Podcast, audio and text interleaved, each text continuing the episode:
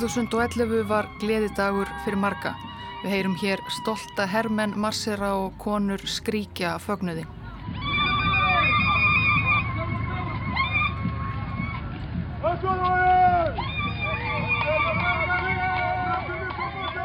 Annar staðar söpnuðust tug eða hundruð þúsunda manna saman og dönsuðu og sungu af gleði. Þetta var enda sögulegur dagur, nýtt ríki að verða til. Það gerist ekki á hverjum degi.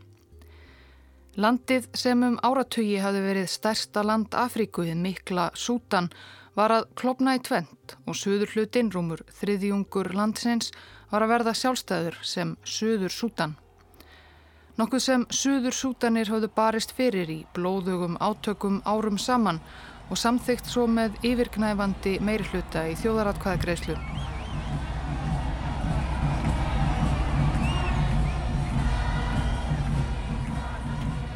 En þrátt fyrir gleðina sem lág yfir öllu nýja landinu 9. júli 2011 átti saga Suður Sútans næstu árin eftir að engjannast nær engungu af átökum og harmi, brostnum vonum. En saga þessa landsvæðis sem eitt sinn var stærsta land Afríku hefur svo sem lengi engjannst af átökum og harmi.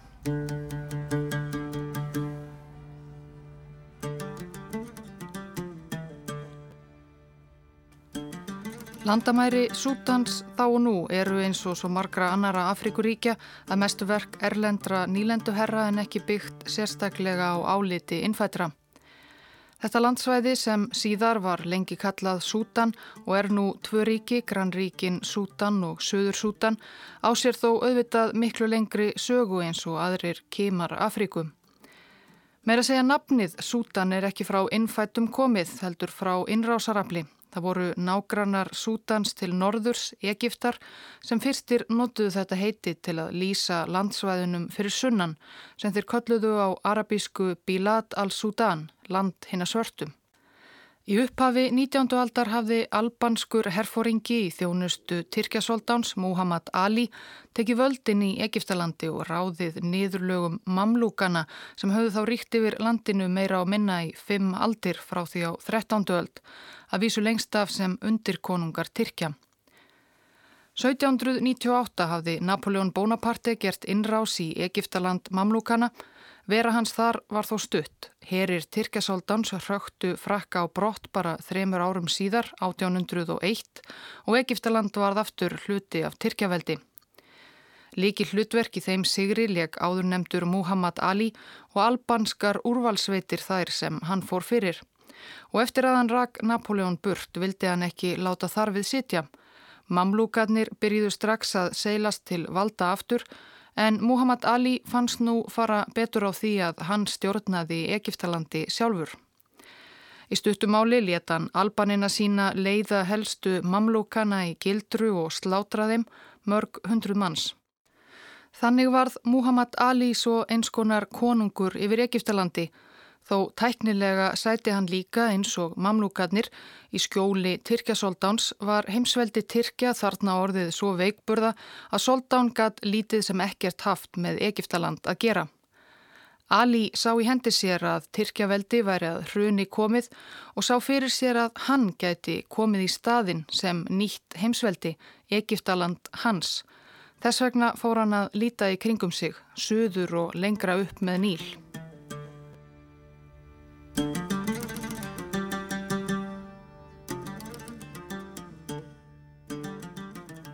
Rétt eins og í Egiptalandi höfðu Ímis samfélög risið og dapnað við bakka nílar lengra í söður átt þarna þar sem við köllum núna Sútan. Ímis samfélög og þjóðir sem við vitum mismikið um. Á dögum forn Egipta áttu þeir til skiptis í viðskiptasambandi eða erjum við svo kallað Kúsríki í söðri sem varð svo máttugt að það lagði meira að segja undir sig Egiptalandum skeið á áttundu öld fyrir okkar tímatal. Assýriski konungurinn mikli Assjúrbanipal kvattis og kúsveldi þetta í kútin. Í þestað risu Ímis konungsríki í mið og sunnanverðum Nílardalnum næstu aldirnar, Ímisa þjóða og þjóðarbrota, því þetta gríðarstóra landsvæði hefur alltaf verið heimili ótal ólíkra þjóða. Meðal annars spruttu fram nokkur voldug ríki kristina núbíumanna sem lengi hafa búið á þessum slóðum og einnig í því sem nútelst sunnanvert Egiptaland. Núbíumenn tók margir kristni á 50 öld eða svo þegar trúbóðar ferðuðust um svæðið og ríki þeirra stóðu svo af sér tilraun muslima frá Arabíu til að leggja þau undir sig um miðja 7. öld eftir að þeir auður náð Egiptalandi á valdsitt. Núbíumenn voru þannig ein af fáum þjóðum sem tókst að verjast innrásarherju muslima á þeirra mesta landvinningaskeiði. Núbísku ríkin blómstruðu svo mjög á miðöldum að þá er talað um gullöld Núbíu. Borgir Núbíumanna í norðanverðu Sútan voru sagðar einkennast af glæsilegum gullskreittum kirkjum og grænum görðum. Þjóðin fann upp sitt eigið stafróf fyrir sitt núbíska tungumál sem er af fjölskyldu Níló-Sahara-mála og óskilt til dæmis arabísku og amharísku sem töluð er í Eþjópíu. Og hvernréttindi voru langt komin meðan við þennan tíma. Konur gáttu mentað sig, gáttu átt og síslað með landaregnir og komist bæði til efna og metorða. En þó svo að múslimunum hefði ekki tekist að leggja undir sig núbíuríkin voru íslömsk og arabísk áhrif komin til að vera á þessu svæði. Arabar og múslimar komu sér fyrir hér og þar í nákrenni Nílarbakka í leitað nýjum beitilendum, góðmálmum í eðimörkinni eða viðskiptatækifærum. Þeir fóru svo líka að predika trú sína frá Arabíu skaganum og þannig smátt og smátt fóru íbúar þess landsvæðis sem við nú getum kallað Norður Sútan að snúast til Íslams þrátt fyrir allt og um leið rakaði mjög högum hinn að gömlu kristnu konungsríkja núbíumanna.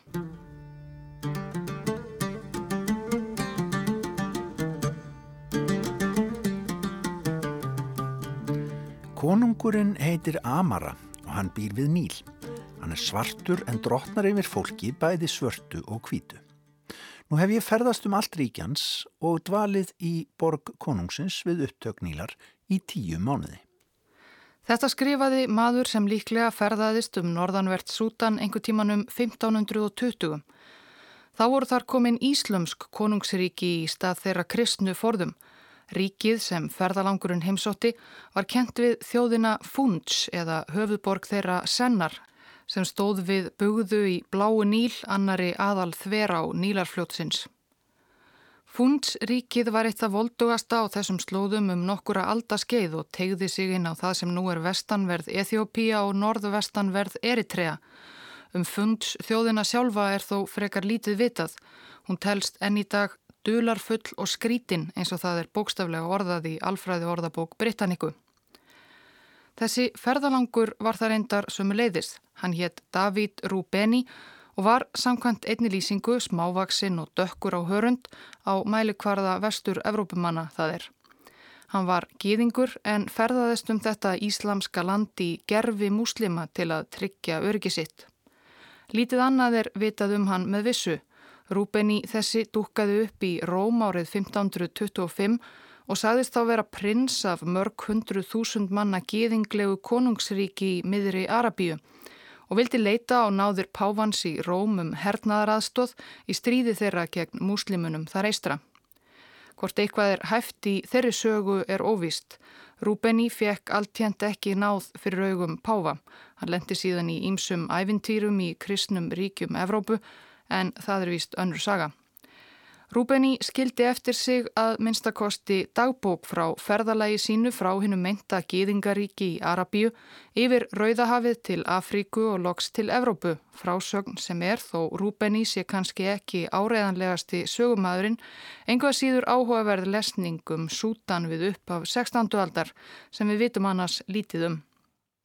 Í landið þessu eru gróðursæl svæði, skóar, eigðimerkur og fjöll. Konungurinn sem ég dvaldi hjá heldur þræla, karla og konur sem flestir ganga naktir. Konungurinn á marga hesta og fína úlvalda og óteljandi hjarðir af nautgripum og kindum. Einnig á hann gullduft. Hver sá sem drýjir misgerði í ríkinu, sé hún stóriða smá, er drepin og hverjum degi eru haldinn réttarhöld. Þeir geta fíla, úlfa, hleparða, hunda, úlvalda, mís, froska, snáka og jafnvel mannakjönd.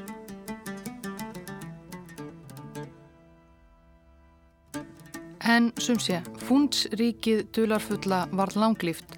Það var enn við líði í norðan og austanverðu Sútan þegar áður nefndur Muhammad Ali í Egiptalandi létt til skarar skrýða og réðst á það í júli 1820.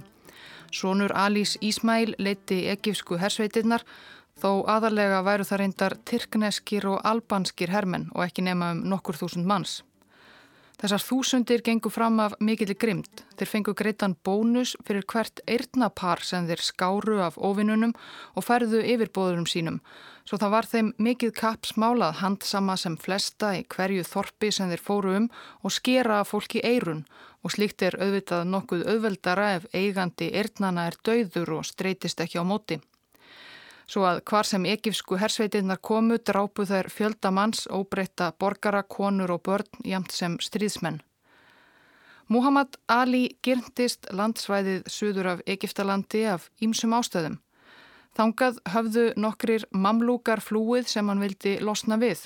Svo vildi hann bara stækka yfiráðasvæði sitt, heimsveldið, og hann gyrndist góðmálma eins og gull sem hann hjælt að þarna væri að finna.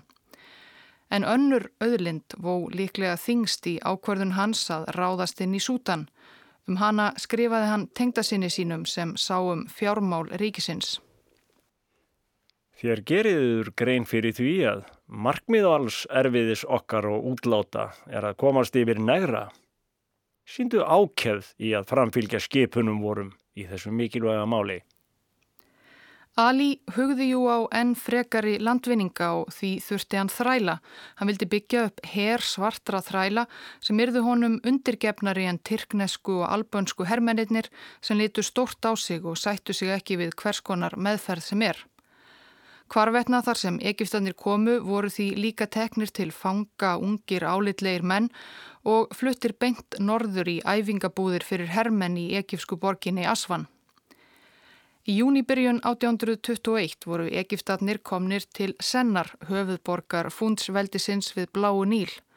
Það eitt sinn mikla veldi mátti þá muna sinn fívilfegri og síðasti soldán funds, bati í sjöundi, treysti sér ekki til að halda uppi neinum vörnum og gafst upp um leið og Egiptatnir umkringdu borkans. Veldi hinna dularfullu fundsmanna leið þar með undir lok. Borgina Sennar gerðu Egiptar að bækistöðsynni fyrir frekari herrferðir lengra söður og ekki síst sendu þeir þaðan báta fulla af þrælum norður niður með áni. Það var þó aldrei mikið úr þeim mikla sútanska þrælaher sem Muhammad Ali hafði hugsað sér.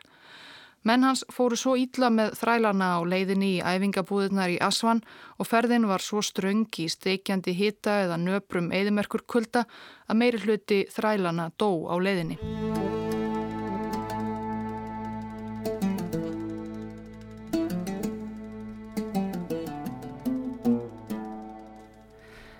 Hernaðurinn helt áfram og að lokum tókst Egiptum að leggja undir sig megnið af því sem við þekktum svo lengi sem Sútan, stærsta land Afríku.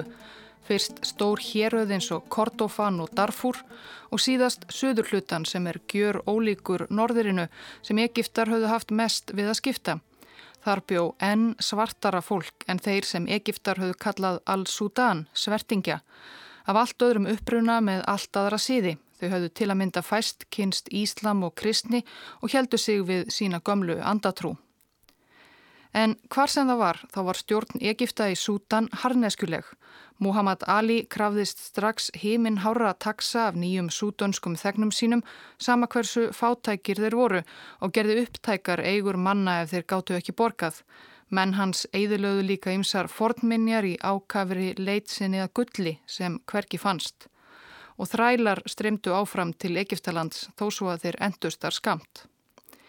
Þegar áleið mildaðist þó stjórnarfarið nokkuð, ekki sístar sem óvinnseldir harðstjórnarinnar, leittu til tíðra uppreysna sútana gegn nýlendu herrunum úr norðri. Egiptar fóru á endanum að byggja upp stjórnkerfi og stopnanir að egipskum sið og ráðfærðu sig meira að segja við innlenda mektarmenn um ímisleg málefni til að halda innfættum góðum.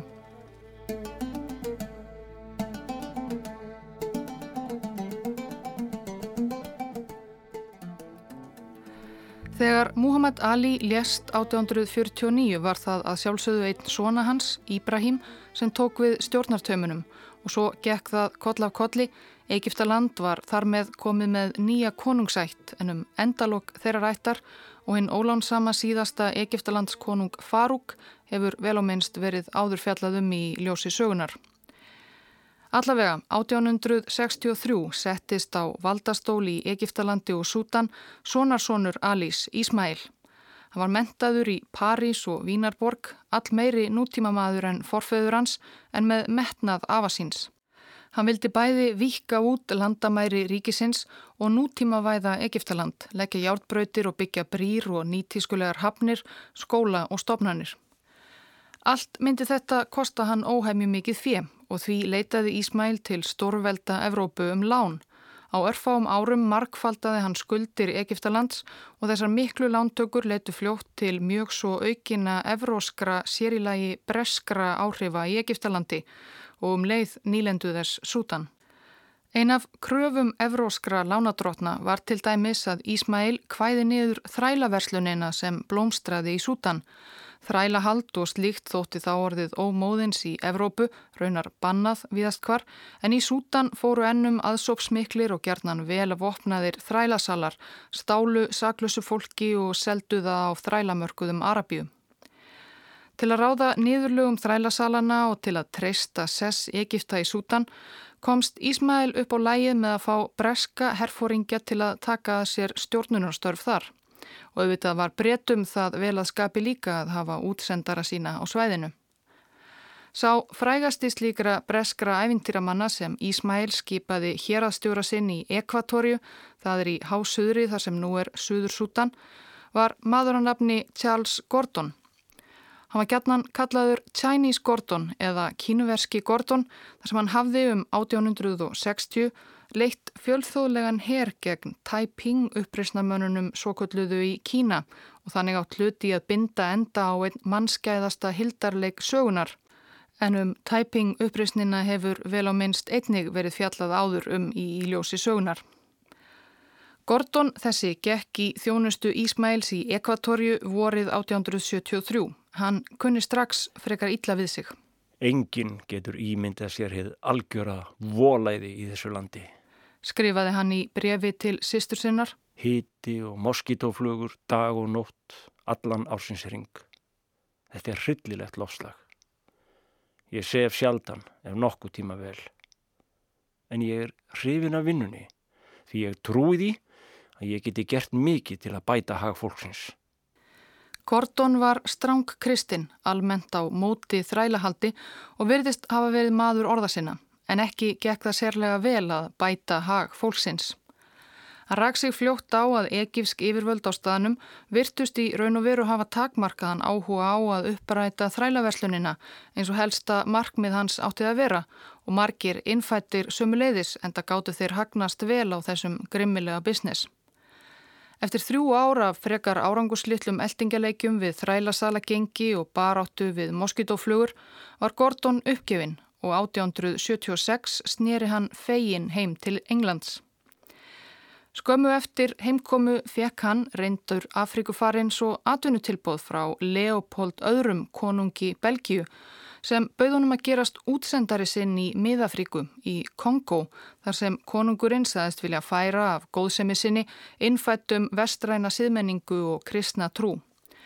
Gordon var að því búin að taka jobbið en barstónum þá bref frá Ísmæl Egiptalandskonungi sem baðan náðarsamlegast um að snúa aftur og taka að sér stöðu landstjóra yfir gerföllu sútan. Og það gerði Gordon. Að lokum var það bandariski landkunnurinn Henry Morton Stanley sem fekk vinnuna hjá Leopold öðrum og innkendist samstarf þeirra í Kongo af allt öðru en góðsemi uppfræðingu og kristnum gildum en það er svo einnig önnur saga.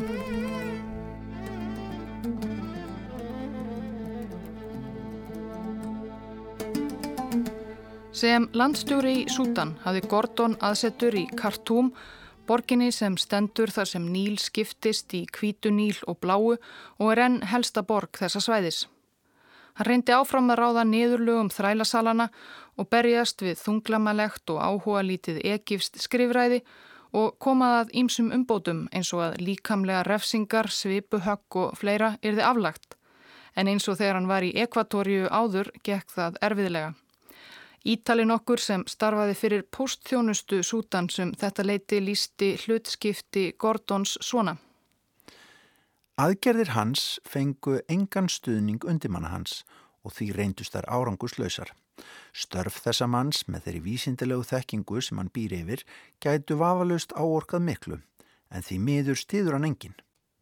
Og ítla er farið að skipunum hans eða þeim breytt á þann hátt að þær verða áhrifa lausar. Allir Evrópumennir með nokkrum sjálfgefum undantekningum sem hann hefur lagt tröst sitt á hafa svikiðan. Til að gera langa sögu stutta endist Gordon heldur ekki lengi í Sútan í þetta sinn Vorið 1880 snýri hann heim til Englands aftur.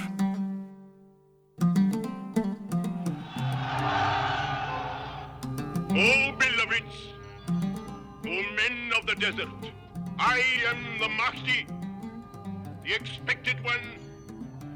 In a vision the Prophet Muhammad has instructed me, let mountain and desert tremble. Við heyrum stiklu fyrir breska stórmynd frá árunnu 1966.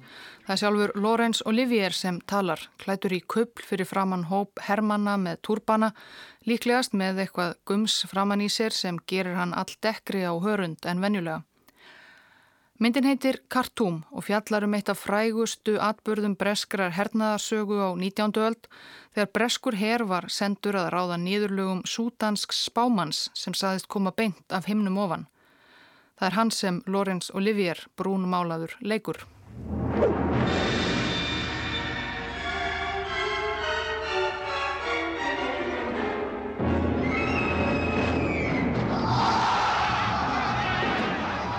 Fyrirmyndin að persónu Oliviers, Muhammad Ahmad, var fættur 1844 í norðanverðu Sútan. Hann var sonur bátasmiðs og bræður hans allir lærðu af föður sínum en Muhammad Ahmad fór ungur að heiman og laði stund á guðfræði í læri hjá ýmsum helgum mönnum, súfistum, dulsbyggingum, súfistareglur höfðu lengi verið fyrirferðamiklar hjá múslimum Sútans. Á þrítugsaldri var hann sjálfur farin að predika. Hann kom sér loks upp eigin mosku og trúarskóla á eigu í Kvítuníl rétt suður af Kartúm og aflaði sér fljótt ákavra fylgismanna með bóðskap sínum um minnleitalipnað og einfaldleika trúarinnar að það þyrti að færa hana nær upphafinu í eðimörkinni. Og meira, 29. júni 1881 þegar Muhammad Ahmad var 37 ára gamall lísti hann því yfir við fylgismenn sína að hann væri ekki bara einhver predikari, heldur væri hann guðlegur, hann væri Mattíinn.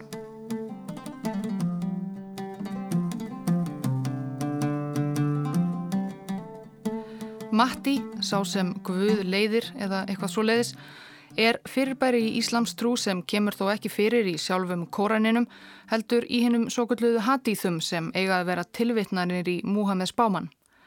Mattíin á að vera í stuttumáli eins konar bjargvættur Íslams sem á að byrtast á viðsjárverðum erfiðum tímum fyrir trúna og taka þá við stjórn hins íslamska heims í einhver tíma, koma á réttum lögum og reglu fyrir komu hins sanna frelsara á dómstegi.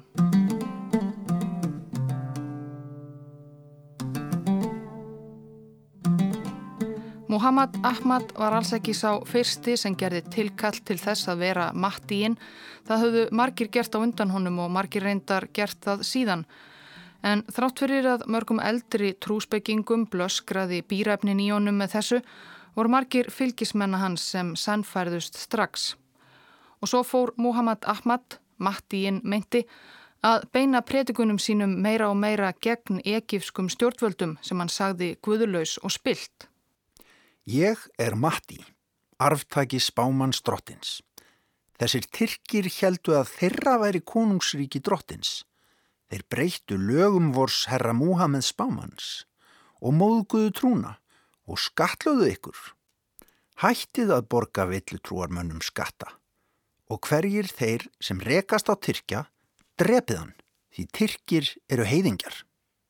Slíkur málflutningur var stjórnvöldum í Kæró ekki sérlega að skapi og í ágúst 1881, rétt rúmum mánuði eftir að Muhammad Ahmad opimberaði sig sem þann sem guður leiðir, sendu Egiptar skip með hermönnum á eiguna í Kvítu Níl til að þakka niður í þessum uppreysnar sinna á villtrúarmanni.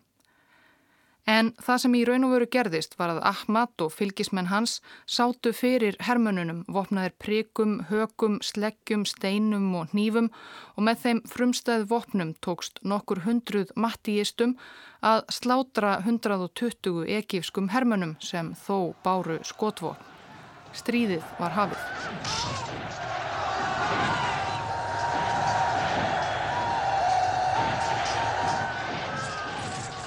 Eftir hildarleikin á eigunni heldu Mattíinn og fylgismenn hans í vestur átt inn í Kordofan hér að því miðju sútan. Þar á þurrum slettunum aflaði hans er fljótt enn fleiri fylgismanna. Alls ekki allir lögðu endilega mikinn trúnað í orð leðtóhan sem um að hann var í komin af himnum ofan. Það voru ekki eins og allir muslimar þeir sem slóist í liðmiðánum Heldur töldumargir þarna bara komið kjörið tækifæri til að steipa hennum óréttlátu og skattaglöðu nýlendu yfirvöldum og losna við Egipta frá Sútan. Snemma árs 1883 var herr Mattians komin að El Obeid, einni helstu borg Kordofan og taldi lið hans þá um 40.000 manns. En voru þeir bara vopnaðir nýfum, spjótum og kilvum en stráfældu þó 4.000 manna ekifst herlið sem helt til fyrir utan borgina og lögðu hana svo alla undir sig.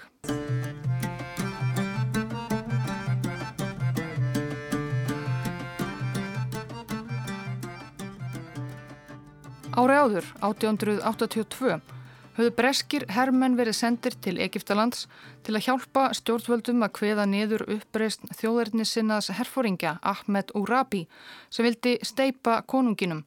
Ísmail var þarna látin og sonur hans Táfík tekin við og binda enda á óeðlilega áhrif breyta á frakka í landinu. Eftir nokkrar stuttar orustur hváðu breytar uppreisnina í Kútin og Urabi var sendur í útlegð. En bresku herrmennir fóru svo aldrei. 1882 eftir Úrabi upprisnina lögðu brettar í raun stjórn Egiptalands og Sútans undir sig þó svo að Táfík konungur hafi setið áfram og Egiptaland enn verið hluti Tyrkjaveldis að nafninu til. Stundum er þetta kallað hið hulda hernám.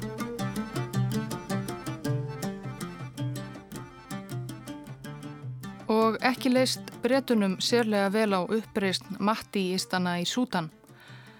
William Hicks, breskum ofursta í Kartumborg, var falið að halda til Kordofan að takast á við uppreysnamennina. Hann hafi með sér um 10.000 manna lið.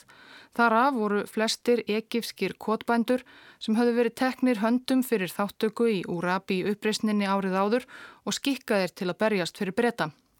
Þeir höfðu ekki fengið mikla þjálfun og höfðu almennt lítinn vilja til að berjast fyrir einhverja útlendinga sem höfðu rétt áður verið ofinnir þeirra. Winston Churchill sem barðist síðar í Sútan og gaf 1899 út bókina The River War um stríðið við Mattíinn gekk svo langt að lýsa þar liði Hicks sem mögulega versta herr sem nokkuð tíman hefur farið í stríð.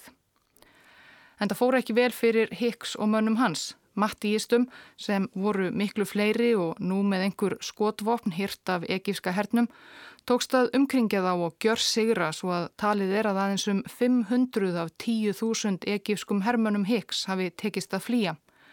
Hicks sjálfur fjall eða hann sást í það minsta aldrei meir.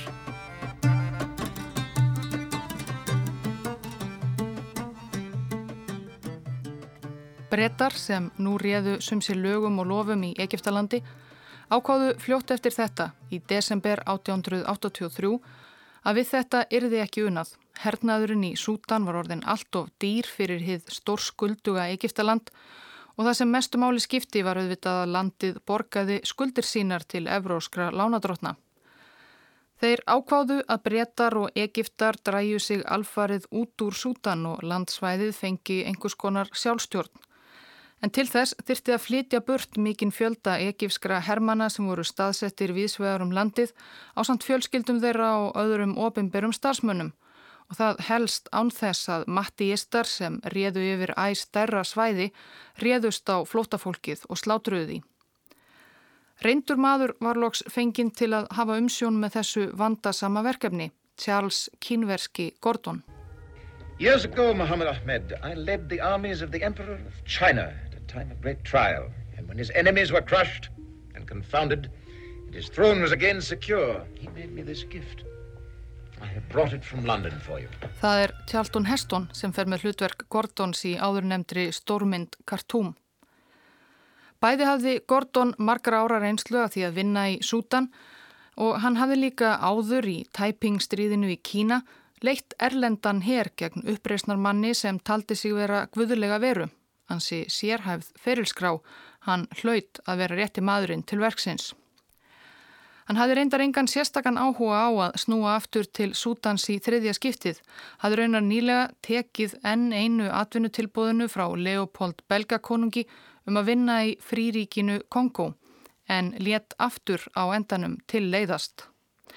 Hann var aftur skipaður landstjóri í Sútan. Verkefni hans þar var þó mjög afmarkað, bara að goma öllum Egiptum öruglega burt af þessu eldfima svæði. Gordon gerðist þó um leið og hann lendi í Egiptalandi frekar stórhuga. Hann vildi líka koma á stöðugur í stjórn heimamanna í Sútan án Mattísins. Til þess datt honum í hugað leita til þeirra sem einu sinni höfðu verið hans helstu óvinnir í landinu, þrælasalana. Sá sem hafi reynst Gordon hvað erfiðastur í gamla daga hétt Al-Subair og var kallaður konungur þrælasalana og um grimt hans og ríkidæmi gengu viltar sögur. Eftir áralanga baráttu hafi Gordon og Egiptum loks tekist að hafa hendur í hári Al-Subair 1878 og hann satt nú í fangelsi í Kæró. Það vakti því talsverða undrun og neykslan bæði í egífska stjórnkerfinu og í Evrópu þegar Gordon stakk upp á því að Al-Subair erði leistur úr haldi og gerður að leiðtoga Sútans. Og Gordon fekk fleiri undarlegar hugmyndir. Kanski væri hægt að friðþæja mattíinum Hann skrifaði spámaninum bref þar sem hann bauð honum stöðu Soldáns í héradinu þar sem hann hafði bækistöðvar, Kordofan, gegn því að hann hörfaði af öðrum svæðum landsins. Hann sendi með brefinu fínan rauðan kupl, eitthvað sem hæfði Soldáni. Mattíinn sem gekk ætið í snjáðum og marg bættum serk til að undirstryka mennleita lifnað sinn, svaraði Gordonum hæl, löngu brefi sem uppfullt var af trúarlegum boðskap. Hann kvatti bretan til að sjá villu síns kristna vegar og snúast til Íslams og afþakaði tilbóðið pent. Þér megið vera vissir um að ég er Mattíinn sem beðið hefur verið eftir, arftaki spámanns drottins. Því hef ég enga þörf fyrir sóldánstæmi, korki Kordofan eða nokkur annan stað, nýja auðæði við þessa heims og hjekomskap. Ég er aðeins þræll drottins, að vísa veginn til hans. Með svarbrefinu skilaði Mattíin rauðakublinum og sendi Gordon á móti látlausan serk eins og hann og fylgismenn hans klættust. Ekki fylgir sögunni hvað Gordon gerði við gjöfina.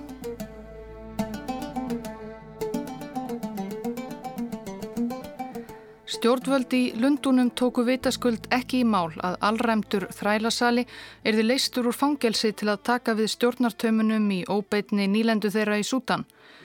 Þegar það var af borðinu bað Gordon þá um að fá sendan breskan herabla til að rústa Mattíinum eins og hann orðaði það. Gordon kom sér fyrir með nokkur þúsund manna aðalega ekifsku herliði í Kartum, þessari helstu borg Sútans sem Mattíin hafði augastað á en hafði enn ekki náð. Vorið 1884 helt hann þó áfram landvinningum og einangraði smátt og smátt Gordon í borginni. Gordon hétti þá að verja borgina sama hvaða kostaði, nokkuð sem var alls ekki í hans verkarring sangkvæmt fyrirmælunum frá Lundunum. Þar voru skoðanir afar skiptar um ágæti herfóringjans.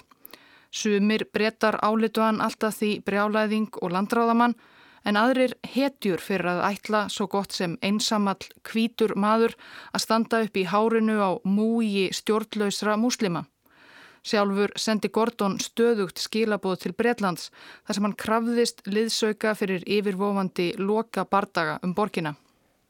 Ég viðurkenni að ég hef verið mjög ólýðin ríkistjórn hennar, hátignar og embættismanna hennar.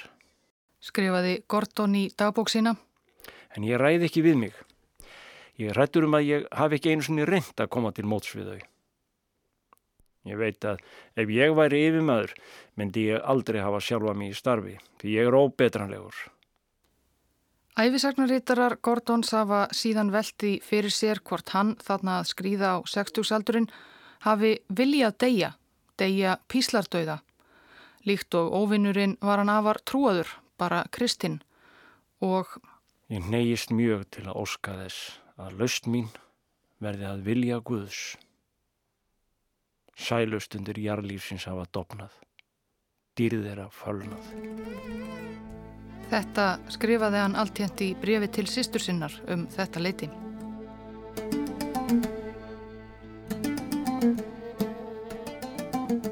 Mars 1884 voru herir Mattísins komnir að Kartum sem Gordon hafi breytt í viðgýrta virkisborg eftir fremsta megni. Lengi vel voru Gordon og menn hans um nokkur þúsund talsins í einhverju sambandi við umheiminn með nýlarsiklingum en smátt og smátt tókst óvinnunum að loka borgina algjörlega af, líka fljótinu mikla. Breskur, almenningur og pressan lofaði á meðan hetjuna Gordon í sífellu og breska ríkistjórnin karpaði um hvort að senda eitt í lið að hjálpa þessum óstýriláta herfóringja. Loks í november 1884 var ákveðið með semingi að senda breskan leiðangur til Kartum. Um það leiti var matarskortur orðin alvarlegt vandamál meðal manna Gordons og borgarbúa í Kartum. Fólk borðaði hesta og asna sína, hunda og ketti þar til engin dýr voru eftir í borginni. Þá var ekkert að borða og um helmingur borgarbúa flúði. Gordon stóð eftir uppi á þakki landstjórasetur síns og keðjureikti og skimaði í sífellu eftir breskum herskipum á Níl á leið honum til bjargar. Mattíinn skrifaði honum aftur og kvatti hann til að gefast upp, en Gordon tók það ekki í mál. Í dagbók sína skrifaði hann Komi einhver sendibóði eða brefingað og skipi mér að leggja niður vopn Hér fór hann að skrifa með stórum stöfum. Þá mun ég ekki hlýða því. Heldur verða hér og falla með borginni. Frekar bissukúlu í höfðið en að fjara út án þess að manni sé nokkur gaumur gefin.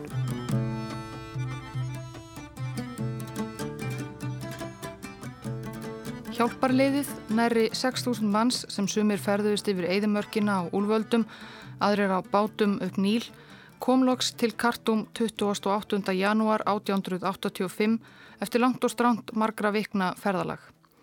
Þá voru tíu mánuður síðan Mattíistar umkringdu borgina og brettarna beigð ekki fögur sjón. Bara tveimur dögum áður, aðfara nótt 27. janúar, höfðu Mattíistarnir loks látið til skarar skrýða. 50.000 manna lið spámannsins hafi flikst yfir borgarmúrana og inn í Kartum. Þar fundu þeir um 7 eða 8.000 menn Gordons aðframkomna af hungri og veikburða og þeir voru því ekki nema nokkrar klukkustundir að slátra þeim öllum sem og 4.000 óbreytum borgarbúum. Gordon sjálfur var og drepin eins og hann hefði spáð eða kannski þráð. Tvennum sögum fer af því hvernig dauða hans barað, svo sem vinsælust er meðal breyta og aðdáenda hans Stegan keikur og óhrættur út, klættur gullskreittum enginnisbúningi bresks herfóringa þegar uppreysna menn nálguðust landstjórasettur hans og var stungin á hól með spjótum og svo hálsökvin. Hjálparliðið hörfaði umsöfalust tilbaka. Muhammad Ahmad, Mattíinn, sá sem Guð leitti, stjórnaði nú aðalborginni og um leið mest öllu sútan. Hann lísti fljótlega yfir stopnun trúarlegs ríkis, Mattíja, þar sem ströng sjarja trúarlög áttu að vera við líði. Mattíinn fekk þó ekki að njóta árangurs erfiði síns lengi því bara fimm mánuðum síðar í júni 1885 lest hann úr einhverju veiki líklega og það án þess að bóðaður domstagur skilji á. Ríki hans lifði þó áfram undir stjórn undirmanna hans. Brettar sóttu loks aftur að Mattíistum 11 árum síðar Þá undir stjórn Kitcheners nokkurs og með fjölda breskra hermana meðal annars Winstons Churchills. Þá voru landsvæði í Afríku í orðinansi eftirsótt í hugum ráðamanna í evrósku stórveldunum. Kitchener og breytum tókslóks að ráða niðurlögum mattíistana alveg 1899 og Sútan fjall þá algjörlega á vald Egipta og breyta. Og þannig er þið að næstu hálfa öldina.